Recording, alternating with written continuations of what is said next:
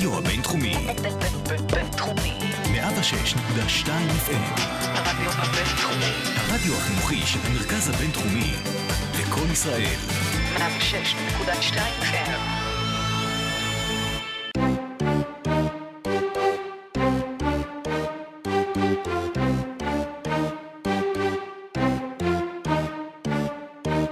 הרבה דברים היסטוריים קורים ב-NBA בימים האלה.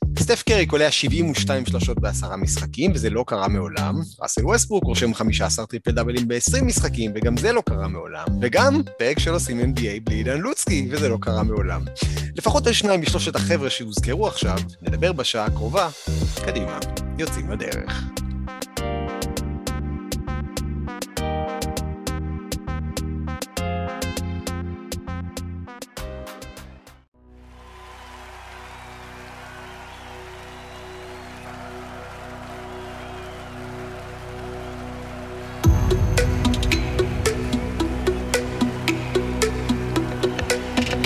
Ladies and gentlemen, welcome to OSIM NBA. Here are your starting five. מה אפשר ללמוד מתגובת ה-NBA לפסק הדין של השוטר בתיק ג'ורג' פלויד? האם כדאי שב-NBA יהיו עולות ויורדות? ומה הקשר של כל זה לסופר ליג? האם אמביד עוד יכול לתפוס את יוקיץ' במרוץ ל-MVP? והאם סטף קרי עוד יכול להתפרץ לדיון? האם שלושה כוכבים ששיחקו ביחד שבע פעמים יכולים לקחת אליפות בשנת 21? והאם מיאמי היט הייתה one hit אז פרק 56 של עושים NBA יוצא לדרך אחרי פגרת יום העצמאות, לפני ל"ג בעומר, וכשאנחנו ביום השנה ה-38 לניצחון של הניקס על הנץ, 2-0 בסדרת פלייאוף בסיבוב הראשון של 1983. למה אני מזכיר את זה? האמת, סתם מכיוון שיהיה כיף לראות שתי קבוצות מניו יורק בפלייאוף אה, הקרוב. אז שלום, משה דוידוביץ', אה, דוד טרי לילד החדש של שרון, הידוע גם בשמו אה, רודי גובר. סוף סוף לשרון יש תירוץ למה הוא לא בפוד. בדיוק.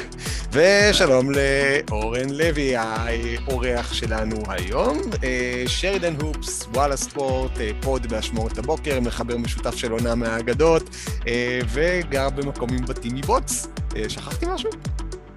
לא, נראה לי שעשית לי בריף, זה זה עזר לי כן. מאוד, תודה, נעים להיות פה.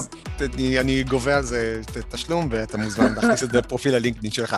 אז אנחנו אה, מתחילים עם שני דברים שלא קשורים לכדורסל, אבל אולי בעצם כן.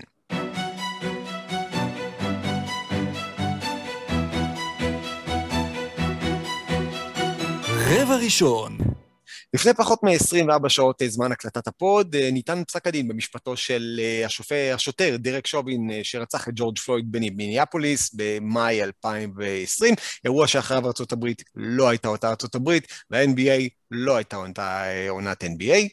אה, השחקנים שהתגייסו אה, יחד עם המאמנים ועם שאר הליגה למען מחאת Black Lives Matter אה, בהמוניהם והביאו את המסרים החברתיים איתם גם לבוע, הגיבו בסיפוק, והשאלה הראשונה אליכם, שני ג'נטלמן, היא עד כמה ה-NBA יכולה לזקוף לעצמה את השינוי שחל מאז בשיח הציבורי. משה, אתה רוצה להתחיל? כדאי, בטוח קח, אני שכדאי. אעביר לך את התפוח לא. תשמע, אני לא חושב שה-NBA יכולה לזקוף לעצמה. אני חושב שה-NBA עשתה עבודה מעולה בלהעלות את העניין לסדר היום הציבורי, אבל אה, אה, אחד הדברים אה, שקרו השנה, מעבר לזה שה-NBA עשתה עניין מזה, זה שהתחלף הנשיא בבית הלבן. רוחות חדשות מנשבות כבר שנה בכל ארצות הברית. וזה אגב לגמרי בסדר, שאם אתה הורג מישהו ואתה נשפט על זה ואתה יוצא אשם, זה כאילו, זה אמור להיות רגיל והגיוני, אני לא יודע מה אנחנו עושים מזה עניין כאילו. אתה יודע, לגמרי. כן, אז uh, מספיק, די. Uh, אני חושב שה-NBA uh, עשתה כל מה שהיא יכולה, אבל עדיין, בואו לא נגזים בתרומה שלה. Uh, המון המון גורמים בארצות הברית עשו uh, בשביל להעלות uh, את המודעות לזה. זה לא, איך אמר מישהו? זה לא איזשהו מקרה ייחודי, זה משהו שאנחנו כבר, מי שאמר את זה היה אפרו-אמריקאי, הוא אמר שזה משהו שלכם זה חדש אולי, כי זה עכשיו עלה לסדר היום הציבורי. אנחנו חיים את זה 70 שנה. אז uh, ככה צריך להתייחס לזה כמו משהו שאסור שימשיך לחיות uh, עוד 70 שנה, וזה צעד ראשון מאוד מאוד uh, חשוב. חד משמעית.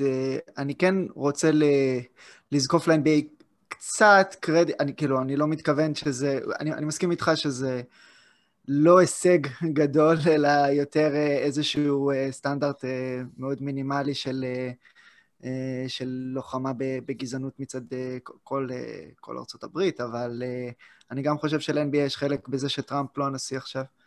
אה, אני גם חושב שבין אם אנחנו בעד הרעיון הזה ובין אם לא, לשחקנים ב-NBA יש קול, ולספורטאים, אה, לאתלטים הסופר מפורסמים האלה יש, יש קול, ואני כמובן תומך בזה, אבל אפשר לדון בכמה זה הגיוני לתת להם את ה...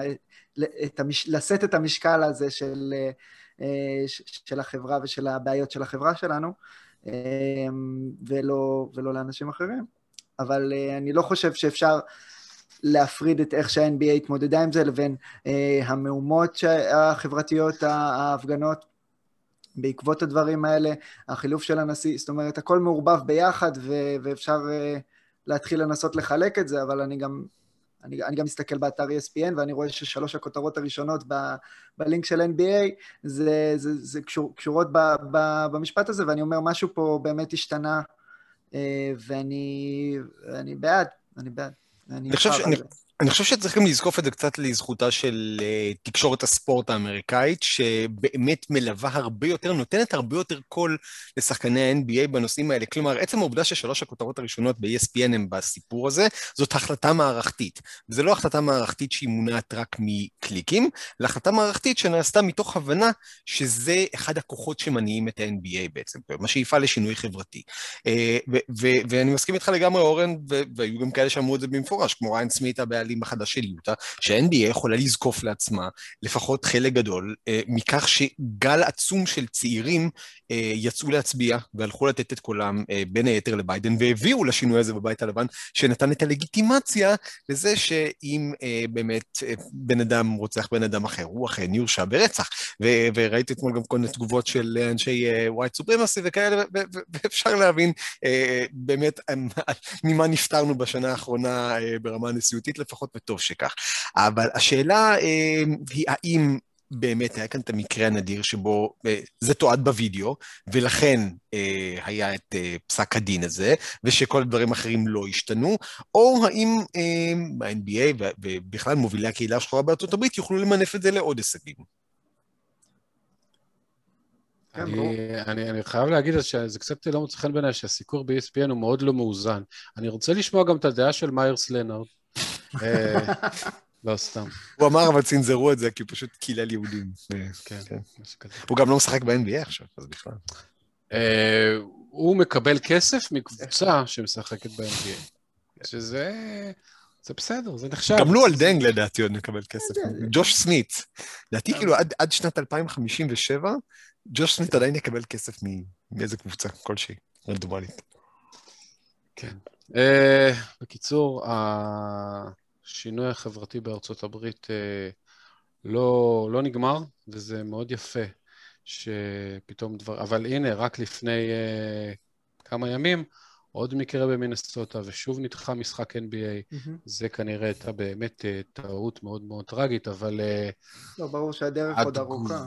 התגובות הציבוריות אה, נהיות מאוד אה, אה, חריפות לדברים האלה, וכן, כמו שאמר אורנס, זה שספורטאים מרשים לעצמם להגיב ולהשפיע, וכבר לא חושבים שרגע, שנייה, גם ניאו-נאצים קונים נעליים, אולי אני אשתוק, אלא בכל זאת, נותנים את הדעה שלהם, לא משנה כמה היא חריפה, זה מראה שהמשכורות ב-NBA כנראה מאוד גבוהות. וגם שהשחקנים לא מוציאים ליין של מגפיים שחורים שניאו-נאצים קונים. אני כן רוצה גם להתייחס למשהו שאמר סטן ון גנדי, שהוא אמר, אין פה מה לחגוג. כלומר, בן אדם נרצח, פסק הדין הטבעי ניתן, כלומר, זה, זה אבן דרך, זה חשוב, אבל זאת לא סיבה למסיבה, ובאמת, בסדרת השחקנים, אני חושב שאם היו עושים איזה ענן מילים, היו מגיעים למשהו שהוא בין אה, שמחה מאופקת לכו תזרקו את הבן אדם שירקב בכלא. ספציפית, סטן ון גנדי לא חוגג, כי ראית את ניו אורלינס לאחרונה? סטן ון גנדי, לדעתי משפחת ון גנדי לא חגגה מעולם. כאילו, בימי הולדת אני חושב שהם אוכלים כאחים במקום עוגה. האירוע השני שאני רוצה לדבר עליו ברבע הזה זה סיפור הסופר ליג, ולמי שלא היה כאן בכדור הארץ בשלוש היממות האחרונות, נספר ש-12 מועדוני ענק מאנגליה, ספרד ואיטליה החליטו להקים ליגה משלהם ולהתנתק מכל המסגרות המקומיות.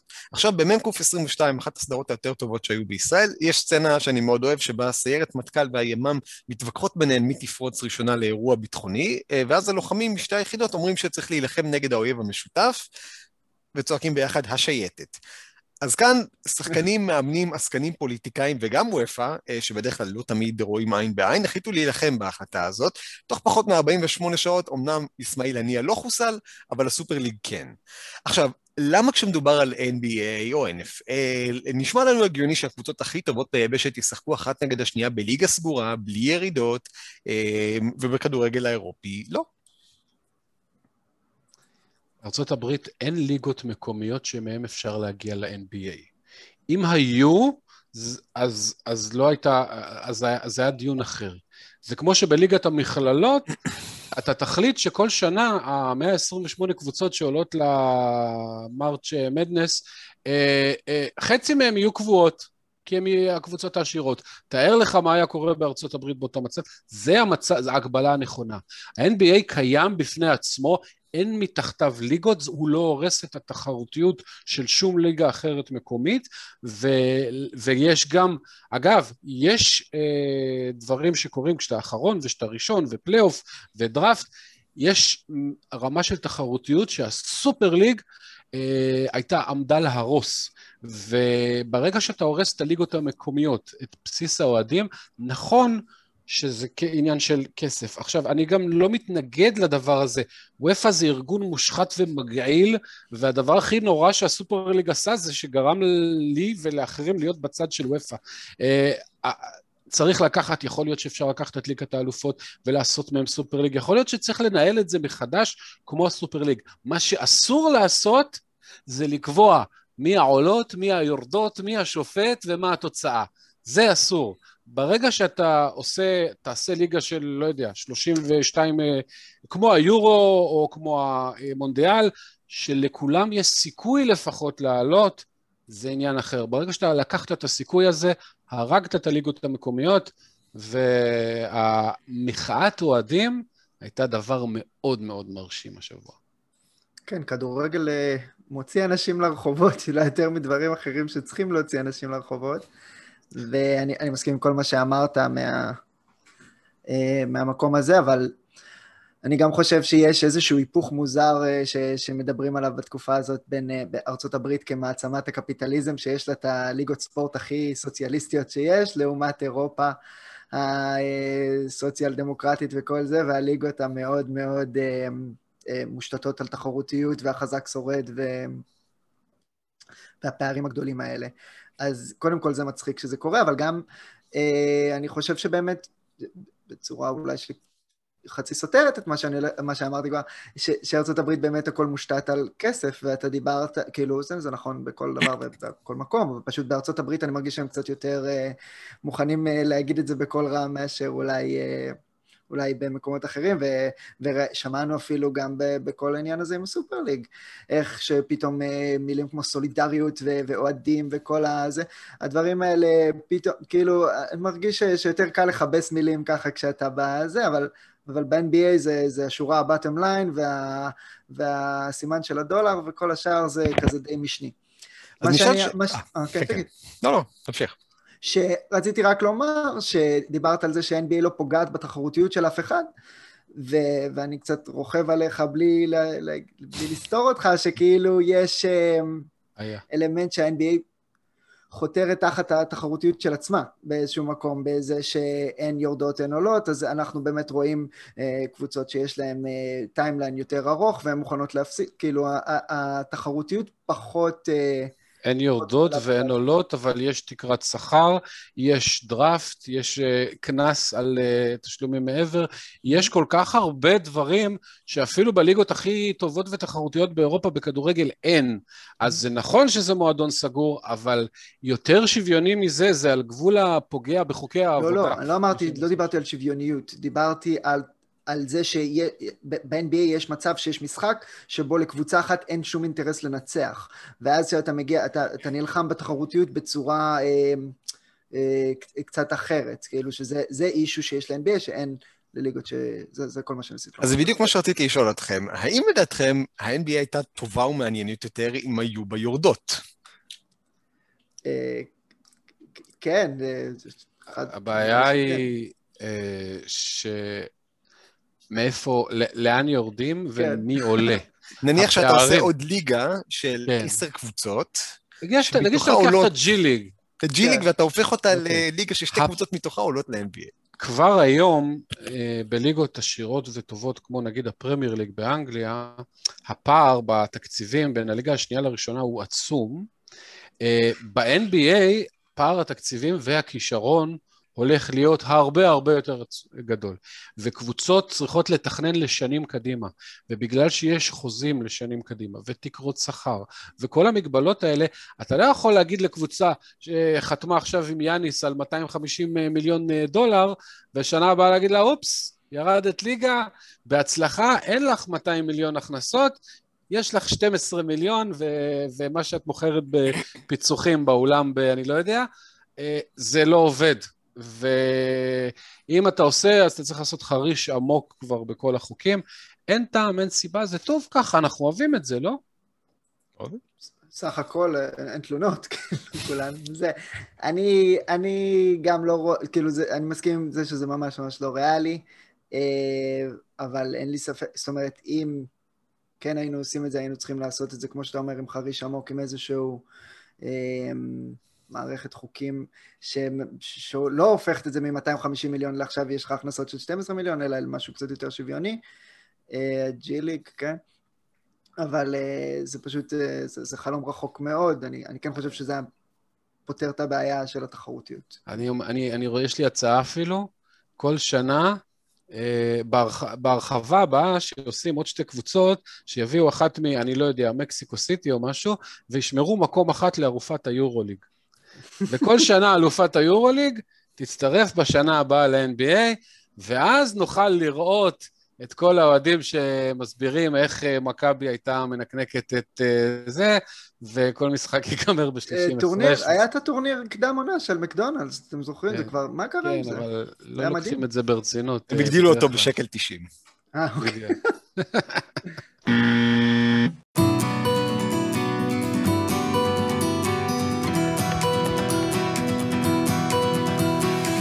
בדיוק. רבע שני. אוקיי, התחלנו ברבע השני, בשלב הזה של העונה נראה די ברור שה-MVP הולך להיות סנטר שלא נולד בארצות הברית, שעבר מסלול לא שגרתי בדרך ל-NBA, ושמוביל את הקבוצה שלו לאחד המקומות הראשונים בקונפרנס תוך מספרים מטורפים, רק אולי לא ברור איזה משני הסנטרים אה, שאני הולך לדבר עליהם אתה מדבר. על מר גסול? אני מדבר על מרק גסול. בגדול, כמו שזה נראה, אם הליגה הייתה נגמרת היום, מרוץ ה-MVP היה בין ניקולה יוקיץ' לג'ואל אמביד, ויש שיגידו בין ניקולה יוקיץ' לבין עצמו. עכשיו, ליוקיץ' יש פער על אמביד של משהו כמו 800 דקות. אה, כך שמבחינה הזאת נראה שבאמת גם באיזשהו אה, סקר אה, נייר לקמוס שעשה טים בונטמס ב-ESPN, רוב מוחלט לטובת אה, ניקולה יוקיץ'. והשאלה היא האם אה, זה באמת גמור, והאם צריך להעניש את ג'ואל אמביד על זה שהוא באמת, הייתה לו פציעה אחת, אבל גם שמדי פעם פילי השאירה אותו בחוץ בשביל הבריאות ארוכת הטווח שלו, ושאין מה לעשות, הבן אדם גם החמיץ משחקים, כי הספר שלו נדבק בקורונה. אז האם בגלל זה צריך להעניש אותו ולהעניק את ה-MVP לניקולה יוקיץ'? אה, אורן, כן. אתה יכול להתחיל. כן, כן, צריך. יש לך עוד דברים לרבע הזה? כן. סתם, אני- אני אתחיל. אני, אני, אני, אני ארים ליוקיץ', כי אני באמת חושב שה, שהמרוץ הזה סגור ברמה הריאלית, כי אני חושב שהוא... אה, הוא תמיד מתמודד מול מישהו לאורך כל העונה, נכון? דנבר אה, לקח לה קצת זמן להתניע, אבל יוקיץ' בא מוכן לעונה הזאת אה, בכושר המטורף שלו, המספרים המדהימים, ו- וגם פשוט חוויית הצפייה, כאילו הדומיננטיות שלו לא מוטלת בספק, לדנבר לקח קצת זמן להדביק את הפער, ועכשיו אני, אני חושב שהם, שאם אתה כבר במקום החמישי במערב, אז זה די ברור שאתה יכול להיות בקלות גם מקום שני במזרח, בלי, בלי הרבה הבדל. ו... ואני חושב שיוקיץ' תמיד היה הסטנדרט שאליו משווים את, ה, את השחקן החם התורן. Um, היחיד שבאמת קצת, משת, קצת שונה בהגדרה הזאת זה, זה אמביד, שהיה דומיננטי אולי בדרכו אולי לא פחות, יש ויכוח על זה, אבל אז אתה באמת מכניס את, אה, את 800 הדקות שהוא הפסיד, ובאמת... אה, תמיד כשאומרים אני לא מעניש אותו, אה, האם אני צריך להעניש אותו על זה שיש לו שחקנים טובים יותר בקבוצה, זה שהמאמן שלו טוב, על זה שהספר, בלה בלה בלה. אני לא מעניש, אני פשוט לא מזכה אותו על משהו שהוא לא עשה, זה הכל. ו- וזה אולי לא פייר או מעצבן. כרגע אני, אני מרגיש שהפרס הזה בחדר, בבית, בחדר של יוקיץ', כאילו. אני אה, הלכתי אה, לא מזמן לסוכנות פרארי, וראיתי אוטו שמאוד מאוד אהבתי. ולא היה לי מספיק כסף, היה לי רק חצי מהכסף שצריך. ולא רצו למכור לי. ואני שאלתי אותם אם, אה, למה הם מענישים אתה אותי. הסברת להם? אתה הכסף הסברת? שיש לי הוא מצוין, למה אתם מענישים אותי על הכסף שאין לי? Uh, עכשיו שוב, אני, כמובן שהדוגמה מוגזמת, וברור שאם היה ביניהם פער של פה משחק, שם משחק, לא על זה מחליטים. ואגב, יכול להיות שאם הם היו משחקים את אותו זמן, אולי דווקא ההגנה של אמביד הייתה נותנת לו איזשהו יתרון. מאוד סביר, שניהם עושים עונה מעולה. 800 דקות, היום הרי אמביד משחק מה? 35 דקות למשחק? אנחנו מדברים על 23 משחקים, הבדל, משחקים בעונה של 72. זה לא שהוא קצת פחות. זה קצת מזכיר את עונת הרוקי של אמביד, רוקי העונה. שהוא עמד לבחירה, בדיוק, ברוקי העונה מול ברוקדון, והוא שיחק פחות מחצי מכמות המשחקים. בסוף ברוקדון זכה. אגב, ברוקי העונה אה, כן. אפשר עוד להתווכח, אבל MVP זה most valuable player, מי תרם יותר לקבוצה שלו? עם כל הכבוד, אמביד צריך להיות כמעט פי שניים יותר טוב מיוקיץ' בשביל שאפשר יהיה להגיד שהוא תרם יותר. אה, אגב, מעניש שמונה- אותו? לא 18 מעניש אותו. משחקים, לא 23, אמ, אבל אה, כן, עדיין היה משהו ברור. אה, אמביד שיחק השנה ב-39 מתוך 57 כן, משחקים של אני, פיל. לא, זה, הוא דיבר על הדקות. דיברתי כאילו, על הדקות. אם זה- אתה לוקח 800 כן, כן. דקות ומחלק על 35, מה? זה כאילו כן, כן, 23 נכון. משחקים יותר, זה עוד אפילו יותר קיצוני מכמות המשחקים, כי גם יוקיץ' יש לו נטייה, לא יודע מה, להיכנס להערכות כל הזמן, אבל... הוא וגיל ברק, הם עשו אה, מונופול על עשו דיל, הערכות. כן, בדיוק. אז, אה, אז כן, אה, יש, אה, אה, יש עוד מועמדים טובים, אבל... אה, עוד רגע נגיע עונה. עונה מדהימה, עונה מדהימה אה, של שניהם. אה, חבל, חבל בשביל אה, אמביד, אבל אה, אתה יודע, הוא עוד צעיר, הוא ייפצע עוד המון שנים. אני, אני בעיניי, אה, אחד הטיעונים הלגיטימיים של אה, פילי זה שאמביד באמת משחק הגנה יותר טוב, ואמביד אכן שחקן הגנה יותר טוב, ואמביד אכן השתפר מאוד מאוד בכל האלמנטים של המשחק, הוא שחקן שלם יותר וטוב יותר ועם אופי טוב יותר, אה, ומהבחינה הזאת אין ספק שמגיע לו, אבל, וזה אבל גדול, יוק, עדיין, עם כל זה שהמזרח התחזק, עדיין המערב חזק יותר, וגם לעשות את הרקורד של יוקיץ' ושל דנבר במערב, זה פחות או יותר כמו הרקורד של פילדלפיה במזרח, ובוא נגיד ככה, אם אמביד באמת היה משחק חלק מהמשחקים שהוא נפצע, או נהדר, או הספר, או מנוחה וכאלה, יכול להיות שעכשיו פילי היו עם מאזן של 42-15, ואז לאמביד היה קייס יותר חזק. אז כמו שאמרתם, כל הדיון של דברים כאלה זה, זה תיאורטי או לא. עכשיו אני אשאל אתכם שאלה אחרת שקשורה ליוקיץ'. האם הפציעה של ג'מאל מארי, שסיים את העונה, משפרת את הקייס של יוקיץ' ל-MVP?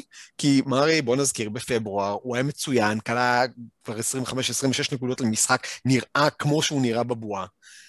ואז הוא נפצע, ויוקיץ' פתאום עוד נטל התקפי הולך עליו, אז מצד אחד זה יכול להוריד את הסיכוי של דנבר לסיים בטופ. בוא נגיד, אם דנבר לא תסיים בטופ 4, אני יכול להבין את הדיון למה לא מגיע ליוקיץ' לזכות ב-MVP. אז האם הפציעה של מארי בטווח הארוך תעזור ליוקיץ' לזכות, או לא תעזור ליוקיץ' לזכות? אני לא מדבר על אליפות, אני מדבר כרגע על MVP. שאלה מעניינת, אני חושב שכל, כאילו, זאת שאלה מעניינת, אבל היא, היא בעייתית, כי היא מלכתחילה שמה אה, גורם חיצוני על, ה, על שיקול. זאת אומרת, אתה שואל בעצם אם, אה, אם, אם מצביעים יטעו לחשוב אה, בעקבות הפציעה של מורי לכאן או לכאן. ועכשיו, מה שאני אגיד על זה, זה שאני חושב שבאופן כללי זה די יעזור לו. אמ, כי, כי זה גם מסיר ממנו את האחריות של המיקום של דנבר אה, באיזשהו מקום. אני חושב שיש יותר אה, סלחנות כלפי, אה, כלפי הסיטואציה עכשיו, אם, אם דנבר לא תצליח להמשיך לטפס ב, במערב, ואני מאמין שהמספרים של יוקיץ' הולכים להתנפח בהתאם, כי פשוט אין לכדור לאן ללכת חוץ מלידיים שלו, ואין לדנבר הרבה מה למכור כדי להתחיל התקפות, שלא לדבר על, על לסיים אותן. אמ, הוא תמיד היה אגב, יש לו יותר עם אירון גורדון ועם פורטר ו... ו- יש כן. לו יותר כלים לעבוד כן. איתם, אני חושב על, על פורטר ו, ואירון גורדון בתור uh, פינישרים שהם מאוד מאוד מתאימים ליוקיץ', אבל לא הייתי רוצה לראות אותם מתחילים את המהלכים. כן. זאת אומרת, כשאתה רואה את פורטר ג'וניור מתחיל מהלך, הוא גם בדרך כלל מסיים אותו, ובסדר, הוא עושה את זה אחלה. אמ, אני רק אומר, דנבר הייתה רגילה לעבוד דרך מורי ויוקיץ', ועכשיו יש לה רק יוקיץ'. בעיניי אה, הקייס שלו הולך להתחזק, שוב, בצורה מלאכותית, כי הוא אותו שחקן. אני לא... תראה, בדרך כלל כשיש עוד כוכבים בקבוצה, זה לא עוזר לך לסיכוי ה-MVP, זה רק פוגע. כולנו זוכרים את העונות של דורנט וקרי ביחד, למרות שהם נתנו עונות מדהימות, אף אחד אפילו לא דיבר עליהם בתור MVP, כי מה, אתה משחק עם דורנט, בסדר, קל לך בחיים. אה, הולך להיות לניקולה יוקיץ' יותר קשה, גם אם הוא יסיים חמש או שש, יגידו, טוב, כמו שאורן אמר, בסדר, אה, נפצע להם אורי, ת- תנו לו, תנו לו אה, צ'אנס, הוא שער מהלב, ואני חושב ש... אני לא יודע אם המספרים שלו התנפחו, כי יש נטייה לאחוזים קצת לרדת במצבים כאלה, ליעילות להיפגע, אבל... אה, יש את הווליום, אבל אתה רואה אותו נגיד נגד ממפיס. הכדור פשוט מוצא אותו, כי, כי מה עוד הם יכולים לעשות? יש לך את קמפצו ויש לך את אה, זה, וכאילו, אז, אז אני חושב שהוא הוא גם פשוט כזה אומן בלהוציא מים מהסלע, כאילו, הוא לא עושה שום דבר שכאילו לא ראית קודם, וזה פשוט אה, תמיד נגמר בסל איכשהו, אז... אני מסכים איתך, אבל ראינו אותו גם ב- ב setting של הפלייאוף, ש- שההגנות הרבה יותר מתמקדות בו והן באופן כללי יותר חזקות, ש- שיוקיץ' אה, הוא, הוא, הוא פשוט שחקן טוב, הוא פשוט טוב בכדורסל. כן, אה, לא. אז יש, אז יש, כן, אז יש שם עוד מישהו שהוא טוב בכדורסל, אה, ואני לא זוכר אי פעם דיוני MVP על שחקן שכרגע, נכון שיש את ה play-in, שכרגע לא נמצא בין שמונה הראשונות באזור שלו. אבל אה, סטף קרי בחודש אפריל עד עכשיו, קולע יותר מ-40 נקודות למשחק, הוא קולע 72 שלשות בעשרה משחקים, בלמעלה מ-50% מעבר לקשת, הבן אדם הוא טרור. אה, וכתב נהדר אה, אה, אה, מייקל תומפסון, מייקל תומפסון קוראים לבחור? אה, איך קוראים לו? ברח לי השם יש של שם. מייקל תומפסון. כן, כן, מייקל תומפסון. באתלטיק, הכותב של הווריורס, והוא כתב אתמול טקסט מדהים על זה שסטף קרי הוא לא MVP, הוא בכלל לא צריך להיות בתחרות הזאת, הוא הרבה יותר מזה. הוא הרבה יותר מה, מזה, קומישיונר? כאילו, מה זה יותר מזה? יותר מזה שבן אדם שההשפעה שלו על המשחק כן. לא נמדדת בתארים. ואני אשאל אתכם, ועדת הכספים אולי. זה לא סטף מה ש- קרי? נשארו לנו 14 משחקים עד סוף העונה, מה סטף קרי צריך לעשות, אם בכלל, כדי, בוא נגיד, לסדוק את דיוני זה רק יוקיץ' נגד אמביד, או זה רק יוקיץ'. אם יוקיץ' וביד לא היו כל כך טובים אגב, אז היה לו סיכוי. אה, הוא גם החמיץ כמה משחקים, רק תשעה לדעתי, לא כמו אמביד, אה, אבל אה, הבעיה שהקבוצה שלו לא, לא טובה. אה, יש כל מיני סטטיסטיקות אה, נהדרות על אה, גולדן סטייט השנה, עם ובלי קרי. אז אם סטף קרי הם אה, קולעים אה, 114 נקודות ל-100 פוזשנים, משהו כזה, הם אה, ההתקפה התשיעית או העשירית בליגה, שזה סבבה. אה, בלי לא, סטף יותר, קרי, יותר, אני שמעתי... יותר טוב. אה, היו חמישית, ירדו קצת, אה, אה, אוקיי. עלו חזרה, לא, יש קבוצות אחרות שעלו, לא משנה. אוקיי. top 10, בואו נסכם על התקפת top 10 בליגה. בלי סטף קרי, הם בפער עצום מהקבוצה האחרונה בליגה. זאת אומרת, הם לא האחרונים, הם אחרונים בפער. כן. וזה אה, מצד אחד אה, מעניין ו- ונותן לו המון המון אה, קרדיט. מצד שני, אה, גם איתו הם מצליחים להגיע למקום תשע. ו- וזה לא שיש להם את הסגל של דטרויט, אה, זה, בכל זאת אה, אה, דריימונד גרין וויגינס וקלי אוברה, אתה יכול להגיד לא מספיק טוב, אבל אתה לא יכול להגיד שזו קבוצה גרועה. ואז עולה השאלה, האם הדבר המדהים הזה, מפגן הקליעה הפנטסטי הזה, מתרגם לניצחונות? עכשיו, זו שאלה לא הוגנת לדעתי, כי מה שהוא עושה על המגרש הוא מעל ומעבר.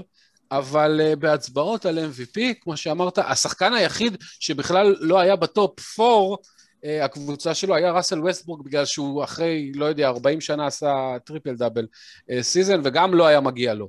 כן, אז, וגם את זה אה, ביטלנו לו בדיעבד. אז יהיה לו מאוד מאוד מאוד קשה, מה שכן, הוא הצליח לחלוף כאיילה שלוחה, על פני כל ההרדן, יאניס, קוואי, ד- דמיאן לילארד ולוקה, ככל הנראה זה נראה, ואפילו אחרי לברון בגלל הפציעה, וזה נראה שהמקום השלישי שלו. אז זה גם בסדר. כן. באופן משחק- כללי... לך כן, על זה, ערן, אתה. לא, לא, תמשיך.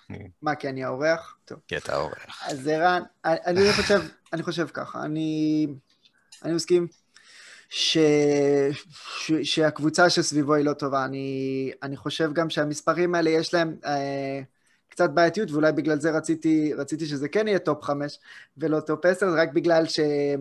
רק צריך לחדד את זה שהמספרים האלה הם נכונים במידה כזו או אחרת לכל קבוצה עם הכוכב שלה on ו off. כאילו, לפעמים אנחנו, אנחנו מפשטים את זה קצת יותר מדי, אבל כל לא קבוצה עם בפערים האלה. אבל לדעתי. לא בדיוק, בפ- בדיוק. אני רק בא לעמעם את הנקודה ולא אה, לבטל אותה לגמרי, להגיד שלכולם יש את ה... שהשחקן הכי טוב שלהם מחוץ למגרש, אז. ההתקפה שלהם אה, היא ב... בירכתי הליגה. אבל, אה, אבל ברור ש...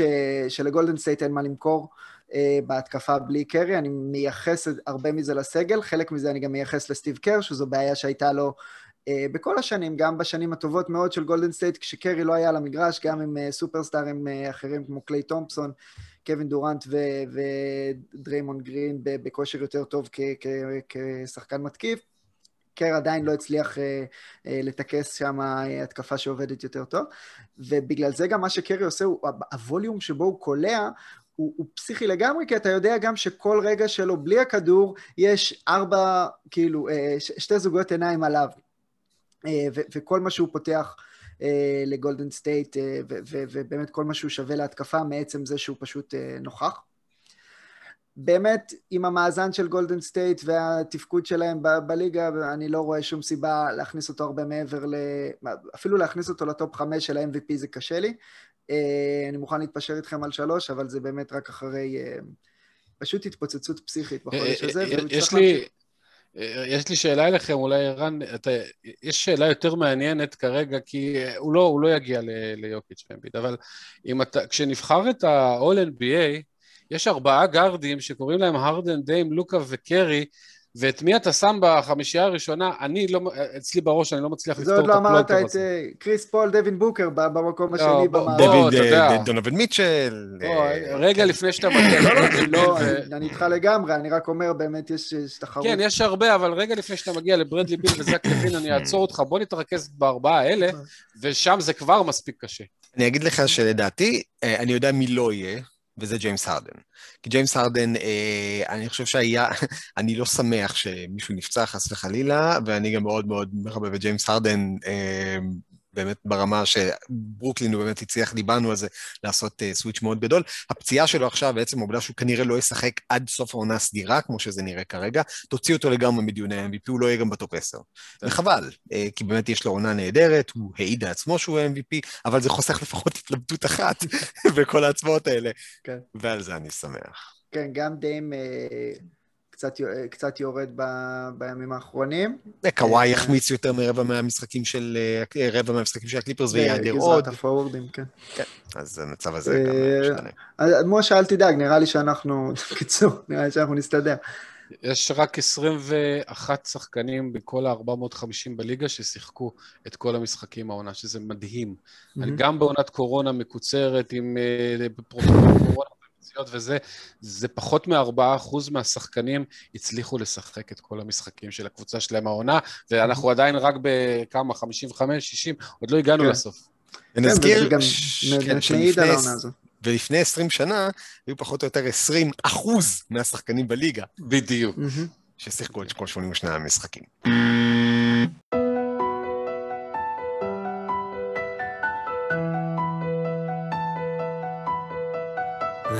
רבע שלישי. ברבע השלישי נתחיל מאיפה שהפסקנו ברבע השני. ג'יימס הרדן, אה, כאמור, לא ישחק אה, כנראה עד סוף העונה, דיברו עכשיו על עוד אה, בעיה ב hamstring. אגב, אותה פציעה בדיוק שהייתה לקווין דורנט, שתגרום כנראה לאותה היעדרות בדיוק שהייתה לקווין דורנט. יכול להיות. שצריך להוסיף, אה, כנראה, כן, hamstring. אגב, אני חושב שספציפית, אני שוב לא רופא ספורט, ואולי אני יוצא דביל כאן, אבל אם אני, זו, אם אני זוכר נכון, hamstring זו ספציפית פציעה שהרבה פעמים נגרמת מעומס. אה, אז יכול להיות שבאמת הלו"ז הזה של העונה גורם, גם לילארד עכשיו פצוע ב hamstring, והיו עוד כמה שחקנים, אז יכול להיות שזה חלק מהעניין. בכל מקרה, מה, מה? זה לפ... לא, זה, זה יכול להיגרם מעומס, אבל לפעמים זה מבנה גנטי, למשל, אה, אם חזור, תחזור לכדורגל, אז סרחיו אגוארו, זה אצלו ה hamstring אה, נקרע מאכילת קישוא, מקולקל. זה, זה, יש אנשים שהשריר הזה אצלהם מאוד מאוד רגיש, אנא שאל את קריס פול בשביל כן. אה, עוד אה, תוספת. אבל הרדן זה שחקן שהיה מאוד עמיד לאורך הקריירה, וכמעט תמיד אה, הגיע להרבה משחקים, כך שיכול להיות שבמקרה שלו זה עומס. בכל מקרה, אין הרדן.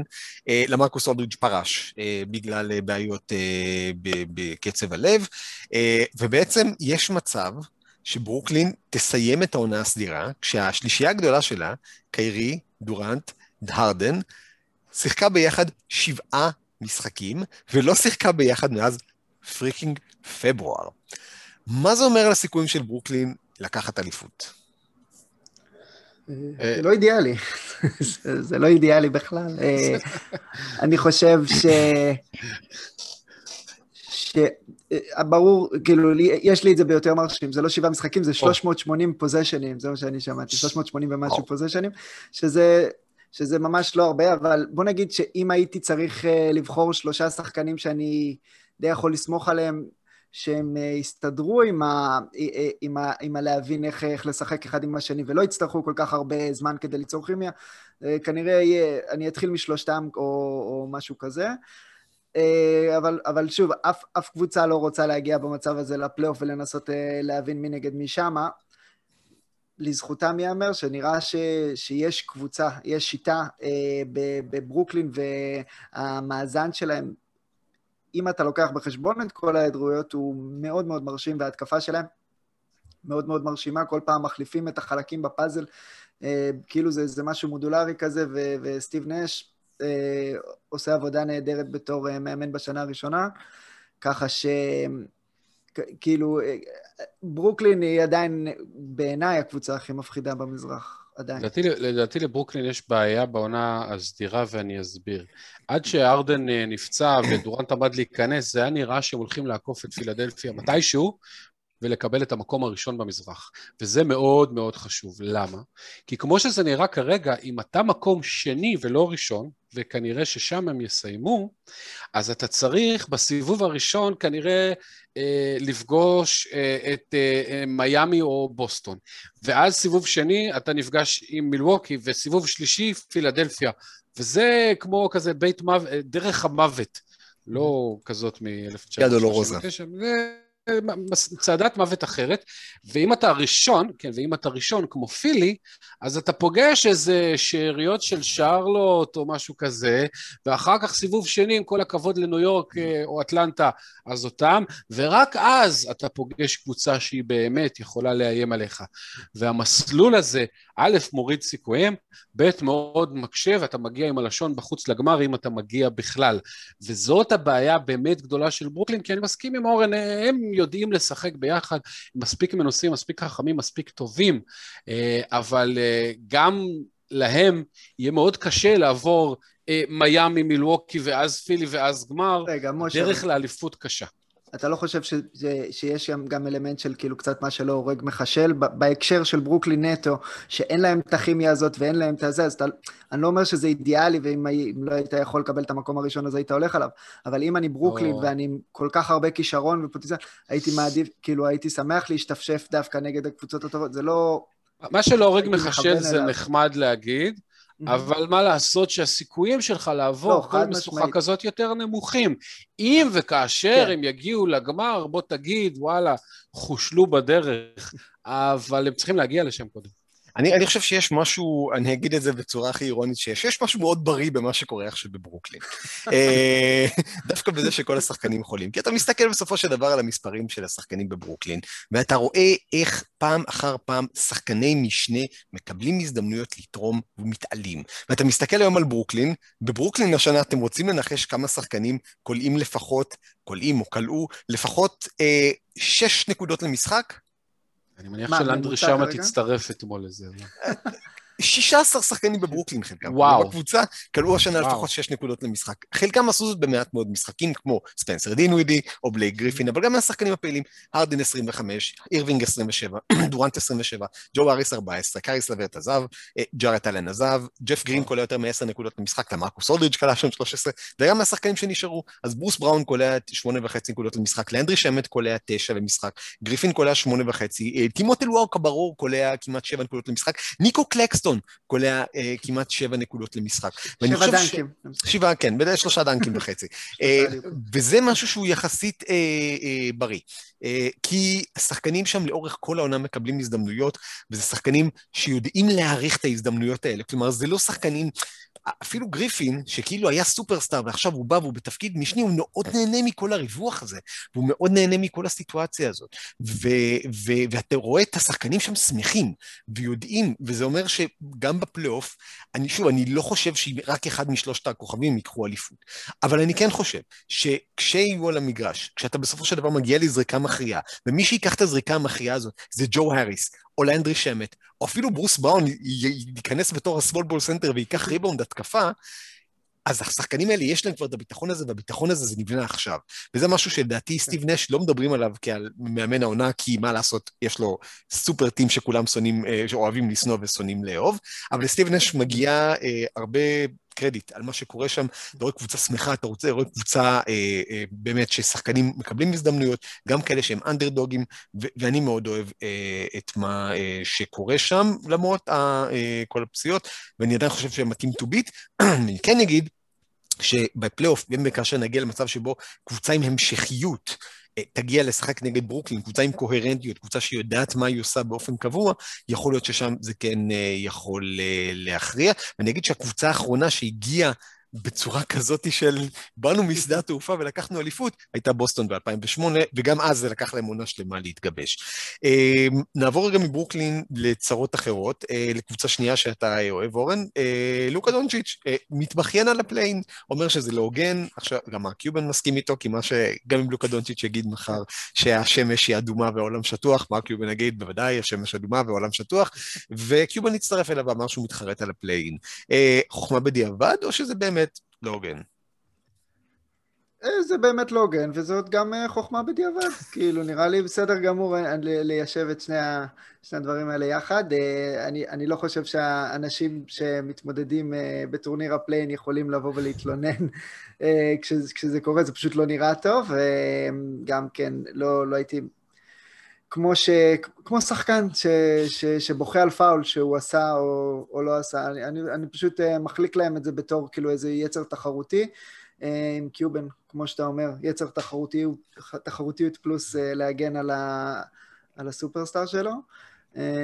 לא יודע, רק שמעתי מישהו, מישהו אומר על, על זה שדונצ'יץ' בא מה, מהמסורת של היורוליג עם, ה, עם הפיינל פור ובאיזה זכות, ואז אמרתי, כאילו, רגע, הוא לא קבע את החוקים גם שם, כאילו, זה, זה בסדר.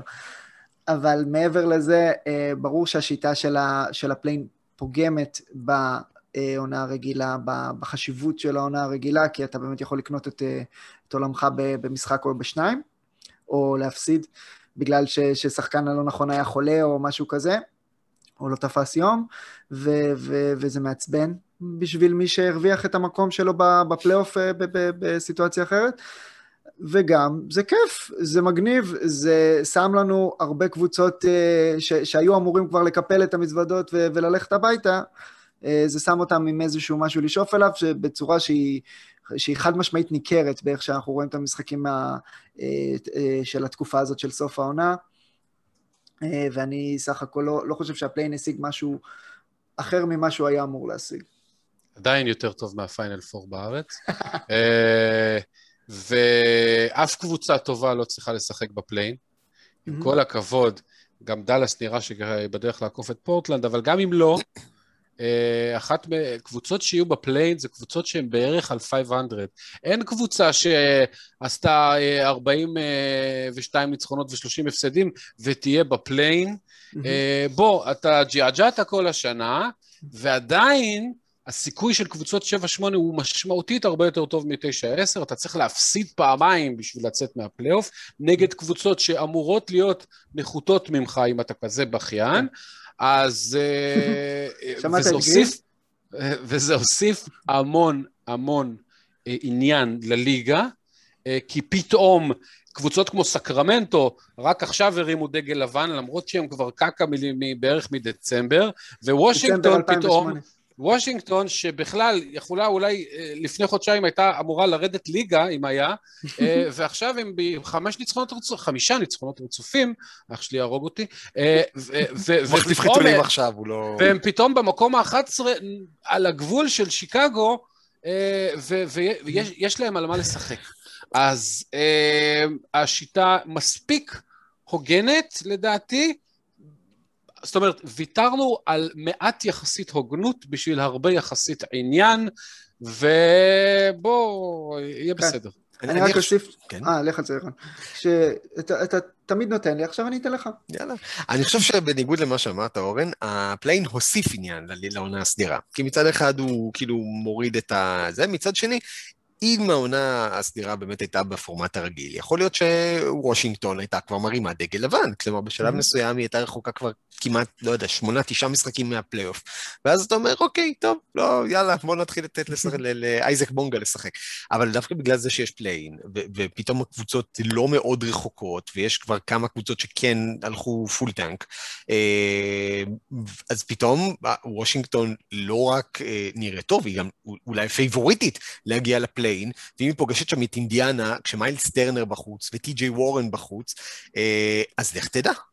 פתאום, זה match, זה משחק אחד, ולך תדע, ווסטבוק דופק לך איזה 23, 16 ו-17, ברדלי ביל קולע 40 נקודות, אבדיה עושה את המהלך ההגנתי, חוסם את סבוניס אה, אה, ברגע האחרון, ווושינגטון פתאום משחק אחד מהפלייאוף. אז אני חושב שמבחינה הזאת, אה, ה play-in נתן ליותר קבוצות על מה לשחק העונה, מהבחינה הזאת זה, זה טוב למחנות האוהדים, זה טוב ל, ל, לתחרותיות, וכן, בסדר, אה, ידעת את החוקים מראש. תשמע, חשבת שזה לא הוגן, היית מצביע נגד זה. אה, יכול להיות שזה היה עובר 29 נגד 1, אבל היית אומר, אוקיי, אני הצבעתי כן. נגד.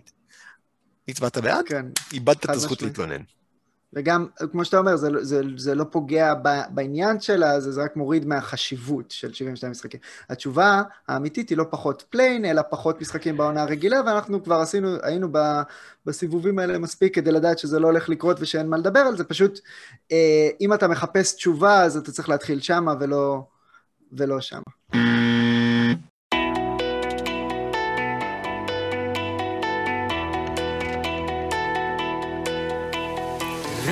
רבע רביעי. ברבע הרביעי, אמ, האמת שהאדם, אחד האנשים שבזכותם אני אוהב כדורסל ואוהב NBA בכלל זה מנחם לס. מנחם לס היו שתי קבוצות אהודות.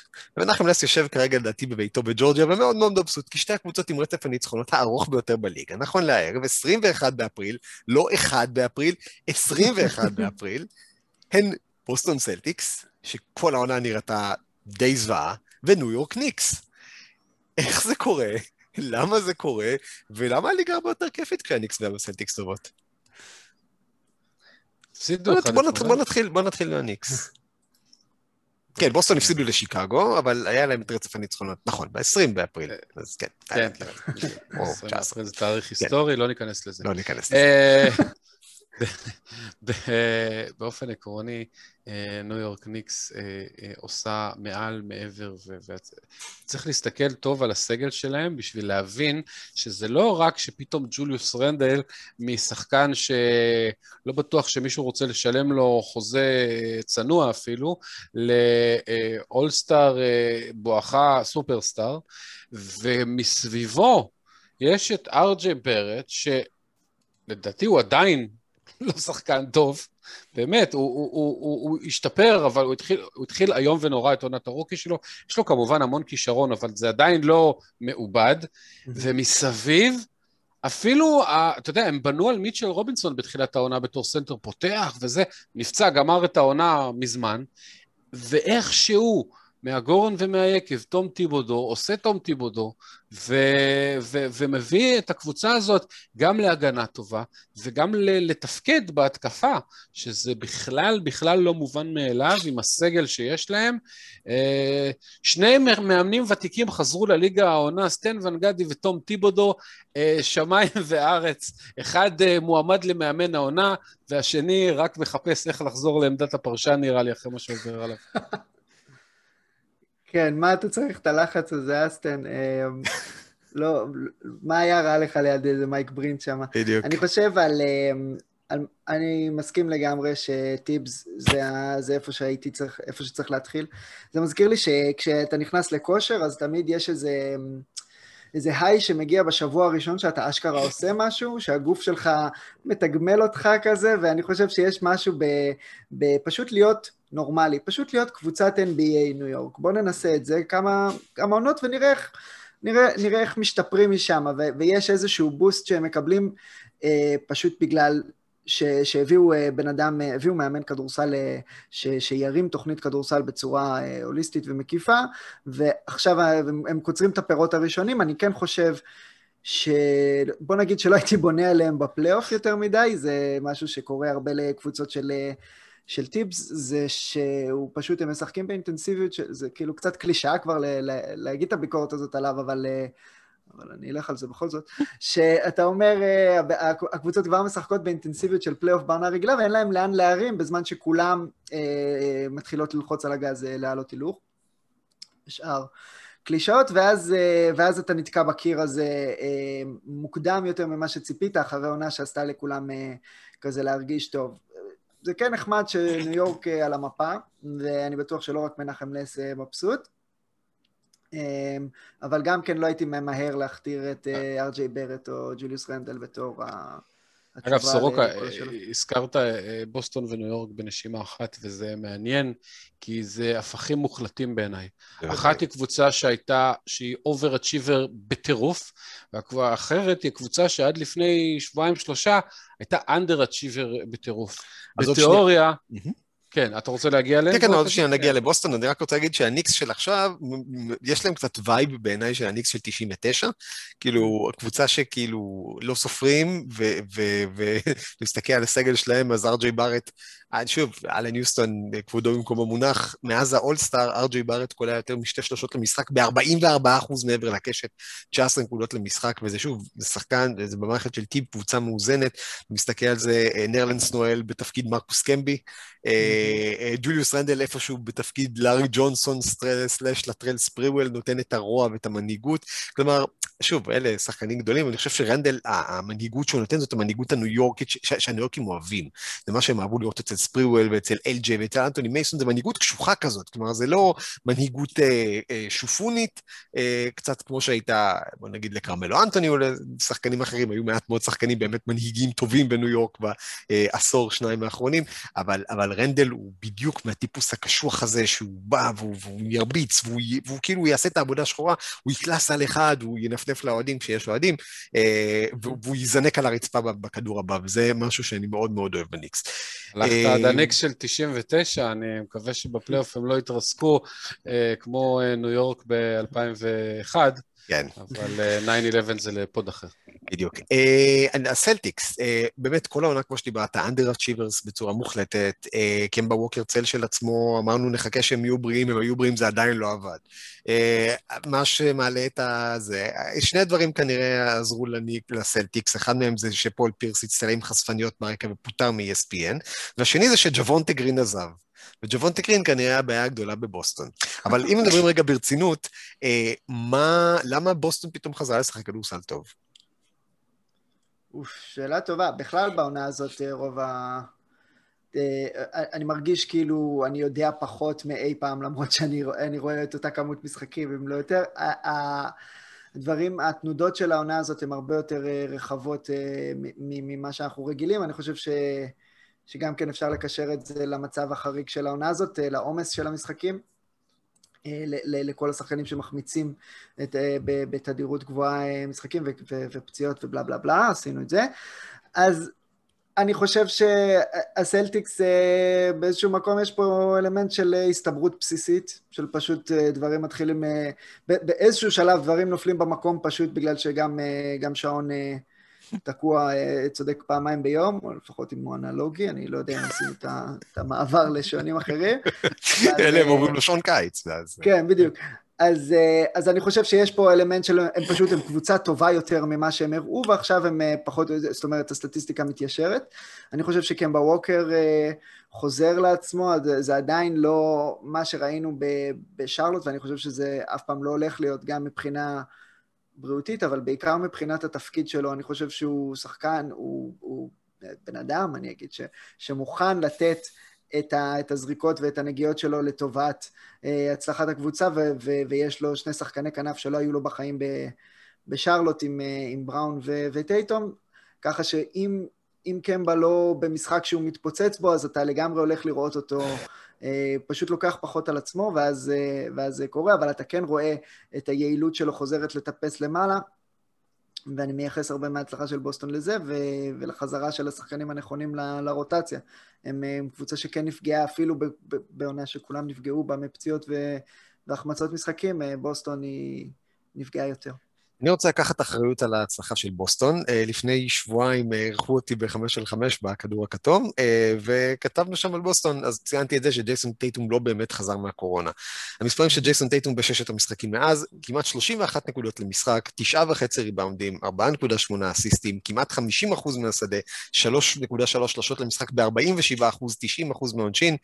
אז ג'ייסון טייטום, שוב, אני מקווה בשבילו ובשביל קבוצת הפנטזי שלי, שהוא באמת חזר מהקורונה, אבל ג'ייסון טייטום נראה קצת reinvigorated, אה, למרות שהיה לו משחק חלש עכשיו נגד שיקגו, הוא נראה שחזר לו ה swag שהיה לו בתחילת העונה, כי הוא התחיל את העונה מצוין, uh, ו- ו- וחלק גדול מה, מחוסר היציבות של, של בוסטון והאכזבה של בוסטון הייתה מחוסר היכולת שלה ללכת באמת להסתמך על זה שג'ייסון טייטום יהיה שם בשבילה, בעיקר במאני טיים. ואני לא מאשים אותו חס וחלילה בזה שהוא חלה בקורונה, וזאת מחלה שאנחנו רק שנים קדימה נדע כמה היא השפיעה, והוא אמר במפורש שזה פגע לו במערכת הנשימה, ואפשר הכי להבין אותו ולהבין שגם זאת סיבה בעונה הזאת, שכזה שקבוצה לא מצליחה, גם קורונה יכולה להשפיע. אגב, טורונטו, אה, קבוצה ששלושת השחקנים הכי טובים שלה אולי העונה חלו בקורונה. אז במקרה של טייטום נראה שבזמן האחרון כן חל אצלו שיפור בריאותי, וזה בא לידי ביטוי, ועוד שיפור שחל בבוסטון. בעיניי, טריסטן תומפסון, דיברנו על זה בתחילת השנה, על הערך המוסף שהוא הביא להם, הוא לא השתלב שם. דניאל טייס לא נתן להם את הפתרון, כנראה שהוא היה יותר טוב כשהייוורד היה לצידו, וה Time Lord, רוברט וויליאמס, הוא יופי של שחקן, ויכול להיות שבוסטון סוף סוף הבינה שהוא צריך להיות הסנטר, שבאמת נותן את הנוכחות האווירית ואת החטיפות מתחת הסל ואת הריבאונד התקפה ואת החסימות, שהחבר'ה האחרים לא יכולים לתת לה. אז וויליאמס הוא עדיין לפעמים בוסרי, עדיין עושה לפעמים טעויות של צעירות, אבל בעיניי הוא באמת הסנטר הכי טוב שיהיה לבוסטון בסגל, כשלוקחים אותו עם הרביעייה האחרת.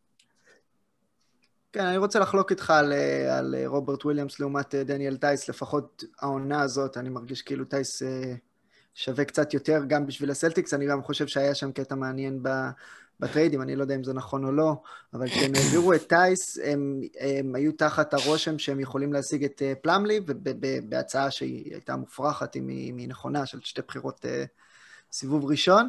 אז, ואז הם לא קיבלו את פלאמלי, אז הם כאילו נאלצו להסתמך על התוכנית ב' הזאת. רגע, רגע, אה, רגע, רגע. אתה רוצה להגיד לי שההנהלה המדהימה של דטרויט, שעשתה באמת צעד אחרי צעד מופתיים, אמרה לא לשתי בחירות סיבוב ראשון על פלאמלי. לא רק זה, מעבר זה לזה. אפילו, זה אפילו על דטרויט אני, אני לא יכול להאמין כזה. יותר מזה אני אגיד לך, דני אייג' היה לו טרייד בקנה והוא לא עשה אותו. היית וואו, כאילו, וואו. כל זה קרה במקביל. אז די. לא, בגדול, אני גם אוהב את אה, רוברט וויליאמס, אני מאמין בפוטנציאל שלו לטווח הארוך.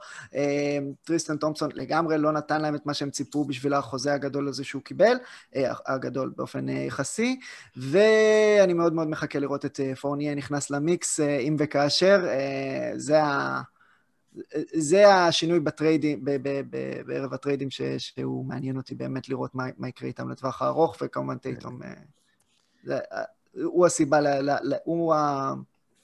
מה שמתחיל את השרשרת, אה, התגובות החיובית הזו, בטח. אז, אז בוסטון באמת אה, כרגע בפלייאוף, הניקס כנראה בפלייאוף, ומי שכרגע לא בפלייאוף, אולי תיכנס לשם דרך ה play-in, זאת מיאמי. קבוצה שבשנה שעברה הגיעה לגמר ה-NBA, אה, והראתה המון חוסן מנטלי, והשנה אנחנו ראינו את ג'ימי באטלר השבוע מדבר על זה שהם רכים, ומבקש מבמה לבעיה לשחק בולי בול, והוא עשה את זה מצוין לילה אחר כך כשבאטלר היה פצוע.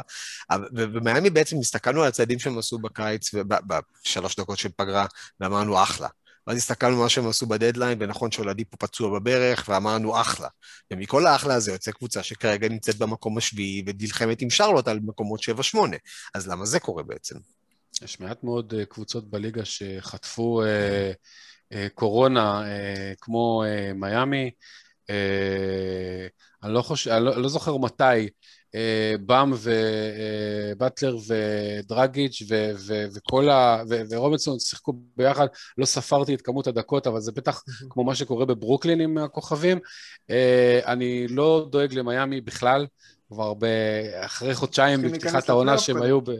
לא, הם ייכנסו, לא רק שהם ייכנסו לפלייאוף, אף אחד לא רוצה לפגוש אותם כשהם, בבר... באטלר משחק העונה רק חצי מהמשחקים, אבל ביכולת פנטסטית. אה, באמה דה ביו, אה, זה שהוא לא נבחר לאוסטר, לדעתי זה הסנאב הכי אה, לא ברור, אה, והקבוצה עצמה, לא דיברנו בכלל, דיברנו, הזכרנו את אולדיפו, אבל עוד לא ראינו האם בכלל הוא יכול לתת, אפילו אם ייתן משהו קטן, אה, זו אותה קבוצה של העונה שעברה, ביכולת מצוינת של השחקנים, הם פשוט לא שיחקו הרבה, וזה בעיה, זו בעיה, והם ייכנסו לפלייאוף, אני גם חושב שיש להם סיכוי לא רע להיכנס לפלייאוף לא מה play-in, אבל נחכה, אה, אבל גם אם ייכנסו ל play-in, אז אה, לדעתי ה play-in סגור. מעניין. אני חולק עליך בקטע הזה, דווקא אני הייתי רוצה ללכת הפוך. כמה גרועה צריכה להיות העונה שלך, כדי שזה ישליך על ההישג שלך בעונה שעברה ו- וקצת אה, יערער אותו. אני חושב שמה שאנחנו רואים פה הוא, הוא דווקא די סביר. אני מסכים איתך על כל הפציעות וה, והקורונה וכל ה, כל העסק הזה. אני מאוד אוהב את באטלר, אני חושב שבאם דה ביו באמת עשה קפיצה מדהימה, אה, שראינו רק את הניצנים שלה בבועה. ומהצד השני אני אגיד שכל שאר הדברים שראינו בבועה אפשר כבר לדון על כמה הם אמיתיים וכמה הם uh, תלויי סיטואציה. אני חושב שמיאמי הגיע... טיילר הירו. כן, טיילר הירו, כן, אה, אה, בתור התחלה, אבל גם אני חושב ש, שראינו... אה, מיאמי הגיעה לבועה יותר מוכנה מכל השאר, אני אומר את זה לזכותה, אני עדיין חושב שיש לה את המערכת אה, שמנצלת ו- ו- ומגיעה למקסימום, מביאה למקסימום את השחקנים שלהם מבחינת כושר גופני והכנה מנטלית, ויש להם מאמן שהוא אולי הטוב בליגה, או אחד מהשלושה, אפשר אה, לריב על זה ביום אחר, עם אה, אריק, אריק ספולסטרה. אבל גם, הם בעונה מאפנה, והעונה המאפנה הזאת היא לא משהו שאפשר... אה, זאת אומרת, היא, היא בעיניי קצת, קצת מורידה מההישג שלהם בבועה, אני חושב ש, שהוא היה הרבה יותר אה, תלוי סיטואציה ממה, ש, ממה שנעים לנו להודות.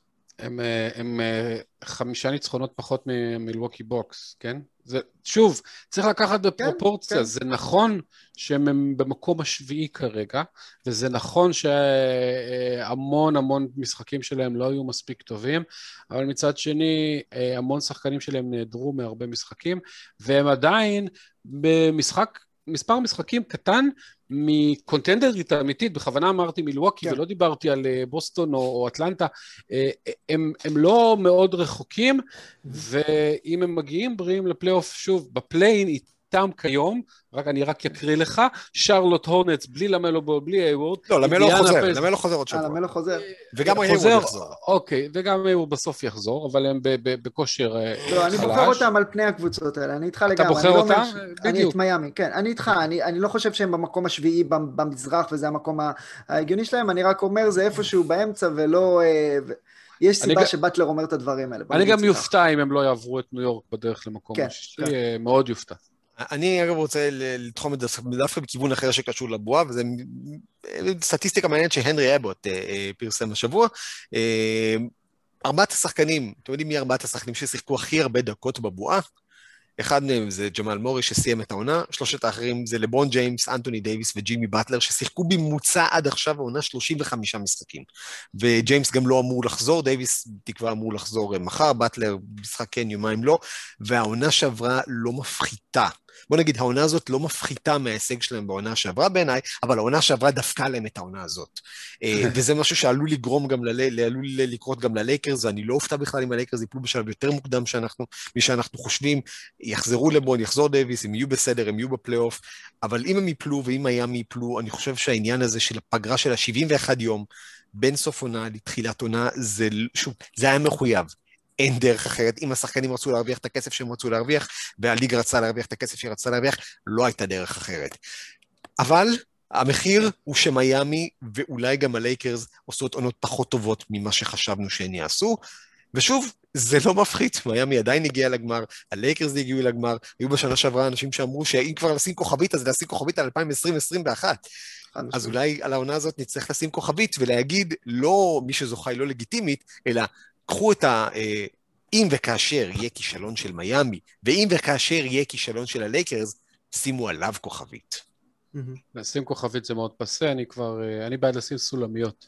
סולמית. אה, או, ואפשר שים לשים גם. כרוכית. כרוכית! כרוכית! שטרודל. שטרודל. אה, טוב, אז פרק 56 של עושים NBA מאחורינו, אה, היה מאוד מאוד מאוד כיף. אה, אמנם עשינו את זה מהבית, או במקרה של אה, אורן, בית קטן בערבה, או בית מבוץ מהארץ- הוא בערבה. משדר מהארץ התיכונה. שלום מהארץ התיכונה, אה, זה נשמע כמו משהו ממשחקי הכס. אה, מילות, אה, סיום, אה, משה?